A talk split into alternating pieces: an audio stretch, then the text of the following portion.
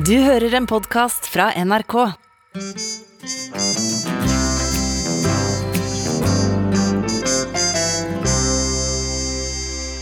Denne veka kom beskjeden mange har frykta, med stadig stigende smittetall og den nye virusvarianten omikron som har fått fotfeste, bestemte regjeringa at det igjen er på tide å innføre strenge nasjonale tiltak. Tiltak som får store konsekvenser for den enkelte av oss. Vi er inne i den femte smittebølga. Dugnadsånda er stadig vanskeligere å mobilisere, og frykta for om vi orker mer nå, ja, den er til å ta og føle på. Men eh, hvordan tar vi nå fatt på nok ei jul med restriksjoner og begrensninger for oss, og hva er det egentlig vi ser framfor oss nå? Og til en samtale om dette så er immunolog og professor i medisin Anne Spurkland og filosof og forsker Henrik Syse kommet her i Studio 62. Velkommen begge to. Takk. Og for å starte med deg, Anne Spurkland. Det virker som du glimta til med litt optimisme denne veka, da du kom med uttalelser om at dette har vært siste jula, eller kanskje siste jula, der vi trenger slite med korona. Ja, jeg ser faktisk lysere på det enn mange andre nå. Og det er ut fra noen immunologiske betraktninger som jeg har gjort, som, som jeg syns det er grunn til å gjøre også som immunolog, og det er at når viruset driver sånn og tuller med oss og forandrer seg hele tiden, så er jo ikke det første gang immunforsvaret har hatt et sånt problem. Vi er resultatet av at immunforsvaret har løst sånne problemer mange ganger før. Og det som de fleste nok ikke er klar over, er at også immunforsvaret kan endre seg og gjør det aktivt. Slik at når vi har laget antistoffer mot delta, eller mot den første viruset, og så kommer det omikron og prøver å snike seg unna, så tar det ikke så lang tid før immunforsvaret har kontret det med eh, flere endringer som gjør at nye varianter får dårligere spillerom. Vil du si at du rett og slett er optimist på vegne av 2022? Ja, jeg vil si det. Nå er det jo lagt opp til at vi skal få en tredje vaksinedose. Og Det har jo vært diskutert er det rimelig å gjøre, men fra immunforsvarets synspunkt så er det faktisk fornuftig. fordi da blir immunforsvaret minnet om at dette må tas på alvor. Og antistoffene som er produsert, blir aktivt endret i alle retninger, slik at et nytt virus som dukker opp, sannsynligvis vil bli stanset mye raskere. Så jeg tror faktisk at denne store spredningen av omikron som vi kommer til å se nå, det blir begynnelsen på slutten for vår del, i hvert fall. Ja, og det er jo den store spredninga nå alt dreier seg om i den, den åpne samfunnssamtalen. Og, og Henrik Syse, hva gjør det med oss at vi nå, ja, for å bruke 70-årsjubilant Jan Eggums kjente tekstlinje, er på han igjen? Vi begynner å bli slitne. Og det er en slitenhet som er kombinert med usikkerhet. Vi er så usikre på hvor er vi om to uker, hvor er vi om fire uker. Men når det er sagt, så skal vi prøve å gripe fatt i noen positive ting nå også, og Anne har hjulpet oss med det her. Tusen takk. På immunologenes vegne. Jeg kan ikke si fullt så mye om immunologi, for det er et fag jeg må lese meg til før jeg kan snakke fullt ut om det. Men for det første, noe av det lureste vi kan gjøre, er å håpe på det beste og forberede oss på det verste. Og julehøytiden skal være håpets høytid. La oss feste oss ved det håpet, og sammen formulere håp for hva vi kan gjøre best ut av den situasjonen vi er i. Og det andre er, selv om det er sagt mange ganger, så fortjener det å gjentas. Dette står vi sammen i. Dette er noe vi møter i fellesskap som samfunn. Og det å ha den opplevelsen av ikke å måtte sitte alene med noe som er så vondt. Så vet jeg at flere som sitter og hører på, tenker at de er veldig alene. De møter ikke dette sammen med alle andre, for de sitter med sin frykt og kanskje sin sykdom. Men det at vi sammen som uh, samfunn skal møte dette, det minner litt om, uten at man skal overforbruke den sammenligningen, det å møte krig. Uh, slik man hørte fra mine foreldres generasjon under annen verdenskrig. Men samtidig så er jo dette ikke ei akutt krise. Det er liksom ei pågående krise hele tida som krever stor tålmodighet. og tålmodighet hos oss mennesker er jo ingen uendelig ressurs. Henrik Syse. Nei, det er helt riktig, og særlig når vi blir fortalt at nå trenger du ikke være tålmodig lenger. Mm. Så vi fikk en sånn opplevelse av at nå er vi i gang, og så stopper det opp igjen. Det er som en forkjølelse man tror er over, og så kommer den tilbake for fullt. Men det som er det positive med det vi opplever i høst, det er jo at jo, vi vet det finnes en normalitet. Jeg har et sånn personlig ønske at hver eneste pressekonferanse om koronasmitten, den starter med setningen 'Husk, dette er et unntak'. selv om vi møter denne type virus og denne type eh, pandemier i vår verden, så er det ikke det som er normaliteten. Og det å minnes om hva som er normaliteten, det er en positiv og håpefull ting.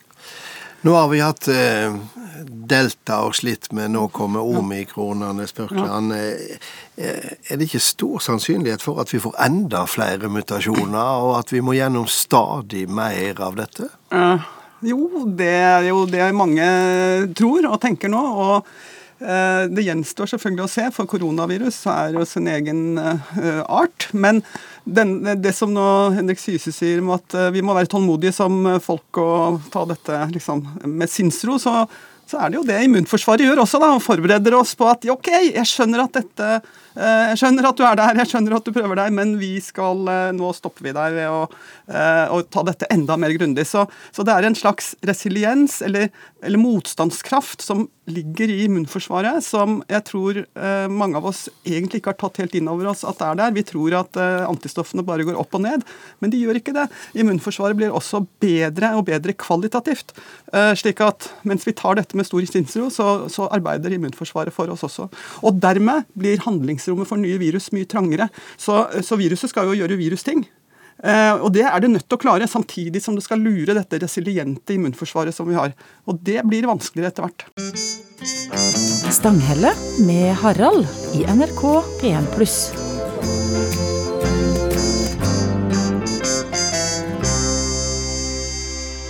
Vi går altså eh, snart inn i vårt tredje år med pandemi, med alt det den har ført med seg av et innskrenka samfunnsliv, og minst like innskrenka privatliv.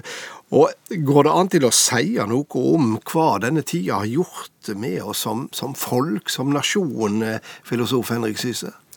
Det krever nok mange programmer, men jeg vil gripe fatt i et ord som Anne brukte rett før pausen, og det er resiliens. Det er egentlig et ord fra naturvitenskapene. Det betyr motstandskraft. Det er et ord som i økende grad brukes i samfunnsvitenskapen om akkurat det vi snakker om nå. Nemlig at vi er kanskje mer motstandsdyktige enn vi tror, og ikke minst gjennom noe slikt som det vi nå opplever, så lærer vi noe hele tiden om hva vi faktisk kan klare. Hvis noen hadde skrevet til oss tidlig i mars i fjor at her er hva dere skal oppleve de neste 20 månedene, så tror jeg vi hadde tenkt å nei, dette blir håpløst. Men når man er midt oppi det, så har vi en del ressurser å bruke av, og det gjelder eh, biologisk, fysisk, men det gjelder også mentalt og i fellesskap. Og Det syns jeg vi skal glede oss litt over. Jeg syns vi denne julen skal tenke over de tingene vi har klart, ikke de tingene vi ikke har klart. De kreftene vi har, og ikke de kreftene vi ikke har.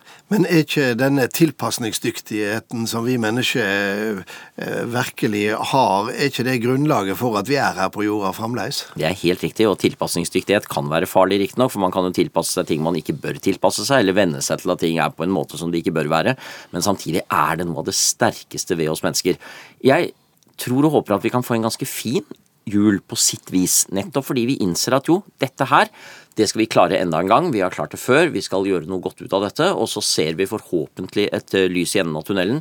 Det er et bilde brukt så mange ganger nå at vi lurer på hvor lang er nå denne tunnelen. Eh, men vi skal holde fast, eh, fast ved det. Ja, Og så gjelder det jo at det ikke er lokomotivet vi ser, da, i motsatt retning. det er riktig, men da satser vi på at det er dobbeltspor som er bygget, så vi kan svinge ut i siden. Um, professor i medisin Anders Burkland, du har jo drevet en stor grad av folkeopplysning eh, også i år. Ja. Noe som resulterte i at du i høst fikk Formidlingsprisen. Ja. Velfortjent. Gratulerer med den. Ja, Men vil du si at vi eh, nordmenn er, er mottagelig for eh, det du vil kalle for nøktern kunnskap? Eh, ja, det vil jeg absolutt si. Eh, og jeg tror kanskje at vi i Norge har eh, klart oss kanskje bedre gjennom pandemien enn mange andre steder, fordi det har vært mange fagpersoner som har bidratt med å forklare i media hva det er som foregår, hva som skjer. Og, og det har folk vært mottagelige for. Så i Norge så er det forholdsvis mindre skepsis til vaksiner, det er større tillit til myndighetenes beslutninger. Og, og, jeg har jo vært med å bidra til det, men jeg har på ingen måte vært alene. Og når jeg da ser på hvordan det går i andre land, og hvordan mine kolleger har bidratt eller ikke bidratt i andre land, så tror jeg faktisk at Norge kanskje vil stå fram som å være i særstilling. I, i hvilken grad eh, dette har vært et felles løft mellom politikere, fagpersoner, myndigheter og og med en befolkning som faktisk har lyttet. Og media som har hjulpet til å spre budskapet også. Det har vært veldig mange flinke journalister som har lært enormt mye eh, disse månedene jeg har hatt kontakt med dem. Og akkurat i dag så presenterer jo VG ei rykende fersk eh, måling der 57 eh, sier at koronatiltakene nå er passe strenge samla sett.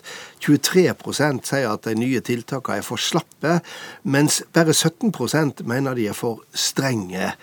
Det er jo eh, ganske sterke tall eh, til støtte for den linja som er, til tross for at vi nå er så luta lei, Henrik Sysse. Ja, ikke sant. Og jeg er veldig takknemlig for det arbeidet som Anna har bidratt til, som mediene har bidratt til. Og det kan være verdt da å nevne det på denne dag. For vi deler ut Nobels fredspris i dag til to journalister, og som tidligere medlem av komiteen hadde jeg gleden av å møte dem i går kveld og snakke med dem. Og noe av det de er mest opptatt av, er jo nettopp den balanserte informasjon arenaene for å snakke ordentlig sammen, lytte til forskjellige synspunkter, og så samtidig kunne presentere fakta på en ordentlig måte. Og Den nyansen tror jeg vi har klart relativt godt, og jeg tror det reflekteres. Og det har med mange ting å gjøre. Det har med tillitsnivået i den norske befolkningen å gjøre. Det har med en del dyktige journalister å gjøre, men ikke minst med dyktige formidlere fra den faglige siden. Det er mange i verden som faktisk eh, misunner oss akkurat dette, og ikke bare på helsens område. Og så mangler vel vi her i Norge, og kanskje i Norden også, denne systematiske politiseringa og mistenkeliggjøringa av både forskning og, og eksperter, Arne Spukland? Eh, ja, heldigvis så er det fortsatt i Norge stor tillit til hva vi forskere holder på med. Og det er jo også et høyt utdanningsnivå i Norge som kanskje kan forklare det. Eh, folk har tilgang til utdannelse helt på lik linje. Det koster ingenting. Og veldig mange mennesker har høyere utdannelse som gjør at man er eh, man har respekt for, eh, for det lærere og professorer og sånt kan komme med. Og man er i stand til selv å sjekke at det stemmer. Man har rett og slett kildekritikk og skjønner at det som kommer fra den siden er ikke godt fundert, og det som kommer derfra er bedre eh, fundert. Men eh, djupest sett dreier seg vel dette om om en tror eh, styresmaktene vil oss vel, eller om en tror de ikke vil oss vel? Ja, og det er noe av det vi trenger å eh, kjempe mest for i vår verden, er jo et forhold mellom borgere og myndigheter, hvor vi faktisk kan anta at myndighetene vil oss det beste. Og der er det mye som gjenstår andre steder i verden, og dette er ikke idealer som ivaretar seg selv. Dette må vi jobbe med hele tiden. Vi vet hva som skjedde på det forrige 30-tallet i en av verdens fremste kulturnasjoner. Dette må beskyttes aktivt hver dag. Vi har jo akkurat snakka om Willy Brandt, som var et symbol på akkurat eh, det. Ja. Eh, vi nærmer oss slutten, men et par ting jeg har lyst innom. Det ene er jo Vi venter oss jo til eh, radarparet Erna Solberg og eh, Bent Høie på den politiske leiersida. Eh, de var liksom med oss i den fra den første frykten og, og nedstengninga og til gjenåpninga. Så har det regjeringsskifte. Vi har nå Jonas Gahr Støre og, og, og Ingvild Kjerkol i de samme posisjonene er det vanskelig å komme inn på dette stadiet i pandemien, den femte bølga, eh, som, som, som nye? Ja, åpenbart. Ikke minst fordi nye ting skjer. Så man kan ikke bare følge det manus som allerede var lagt opp, men må komme inn og si litt andre ting, kanskje ting som folk ikke forventer. Og så har det jo det i tillegg da at uh, den forrige regjeringen fremsto på en veldig trygg måte i sin kommunikasjon. Og et av de fremste uttrykk i norsk sport er jo å hoppe etter Wirkola. Det er ikke alltid like lett, men noen må gjøre det også. Jeg er sikker på at den sittende regjeringen den lytter så mye til de helsefaglige rådene at den skal klare denne biten også. Og eh, på den helsefaglige sida så er det ingen utskiftning av Anne Spørkland? Nei, foreløpig er det ikke det. Eh, men eh, Eh, det som jeg har lyst til å legge til her, er at det man har gjort i pandemien, og som jeg også regner med at den nye politiske ledelsen vil gjøre, er å anerkjenne usikkerheten som er der, og kommunisere den eh, tydelig, og ikke gå tilbake til eh, gammeldags krisekommunikasjon som er sånn. Sånn gjør vi det. Eh, for eh, nettopp denne tilliten som vi har snakket om, den, den næres av at man får være med på resonnementene, og at man forstår hvorfor ting skjer. Og jeg syns vel at regjeringen nå har klart å forklare det ganske tydelig. Her kommer omikron. Vi vet ikke hvordan dette går. Og nettopp det å være åpen om det en ikke veit, ja. Er også mer tillitsbyggende enn om en later som en eh, kan alt. Mm. Tusen takk for refleksjonene fra dere to. Anne Spurkland, professor i medisin og immunolog, og forsker og filosof Henrik Syse. Harald Stang inn, stang ut. Nett nå blir verdens viktigste fredspris delt ut til de to redaktørene Maria Reza og Dmitrij Muratov.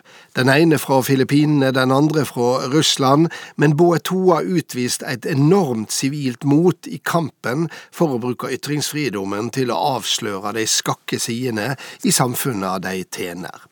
Slik er de også demokratiske frontsoldater, og slik tjener de også freden, for det henger sammen dette, demokrati, åpenhet og fred. Dagens pris blir ikke delt ut til god journalistikk, men til vår alles rett til å bli informert. Det er retten til å vite det står om. Ikke minst gjelder dette i ei tid da fakta i mange land blir devaluert, og falske nyhender blir brukt til å piske opp stemninger som igjen hisser til polarisering og konflikt. Det er dette Nobelkomiteen har sett, verdsett og heidra. Så er det selvsagt de som vil drage i tvil om dette har noe med fred å gjøre. Nobelkomiteens kritikere har det også lenge hevda at en er på ville veier med sine tildelinger, at Nobels uttrykk 'folkenes forbrødring' er strekt altfor langt. Sjøl tror jeg at eh, nett dette at fredsomgrepet blir utvida, er med på å styrke fredsaspektet og styrke Nobels fredspris. For gjennom den lange nobelhistoria er prisen gått til presidenter og politiske ledere, opposisjonelle og humanister, miljøkjempere og organisasjoner, nedrustningspionerer og fredsidealister.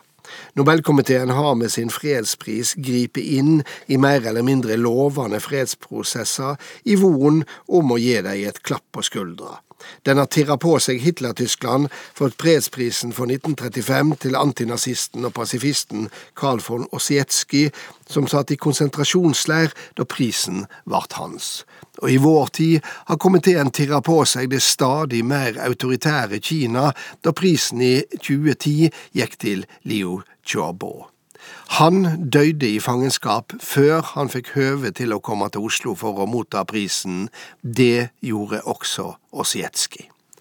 Noen priser er mottatt med begeistring, andre med sinne, mens et knippe av dem har vært nokså feilslåtte. Men likevel er det kanskje denne spennvidden og denne dristige utdelingslinja som har gjort akkurat Nobels fredspris til den gjeveste av alle de tusen fredspriser som finnes verden over. Det uforutsigelige i kombinasjon med et grunnleggende leitearbeid etter fredens mange ulike ansikt, både i form av menneske og av ideer. Slik er eh, prisen ikke stivna i ei form, men er med på å stimulere til fredsarbeid i så mange ulike avskygninger. Det er bruk for dei alle. God helg.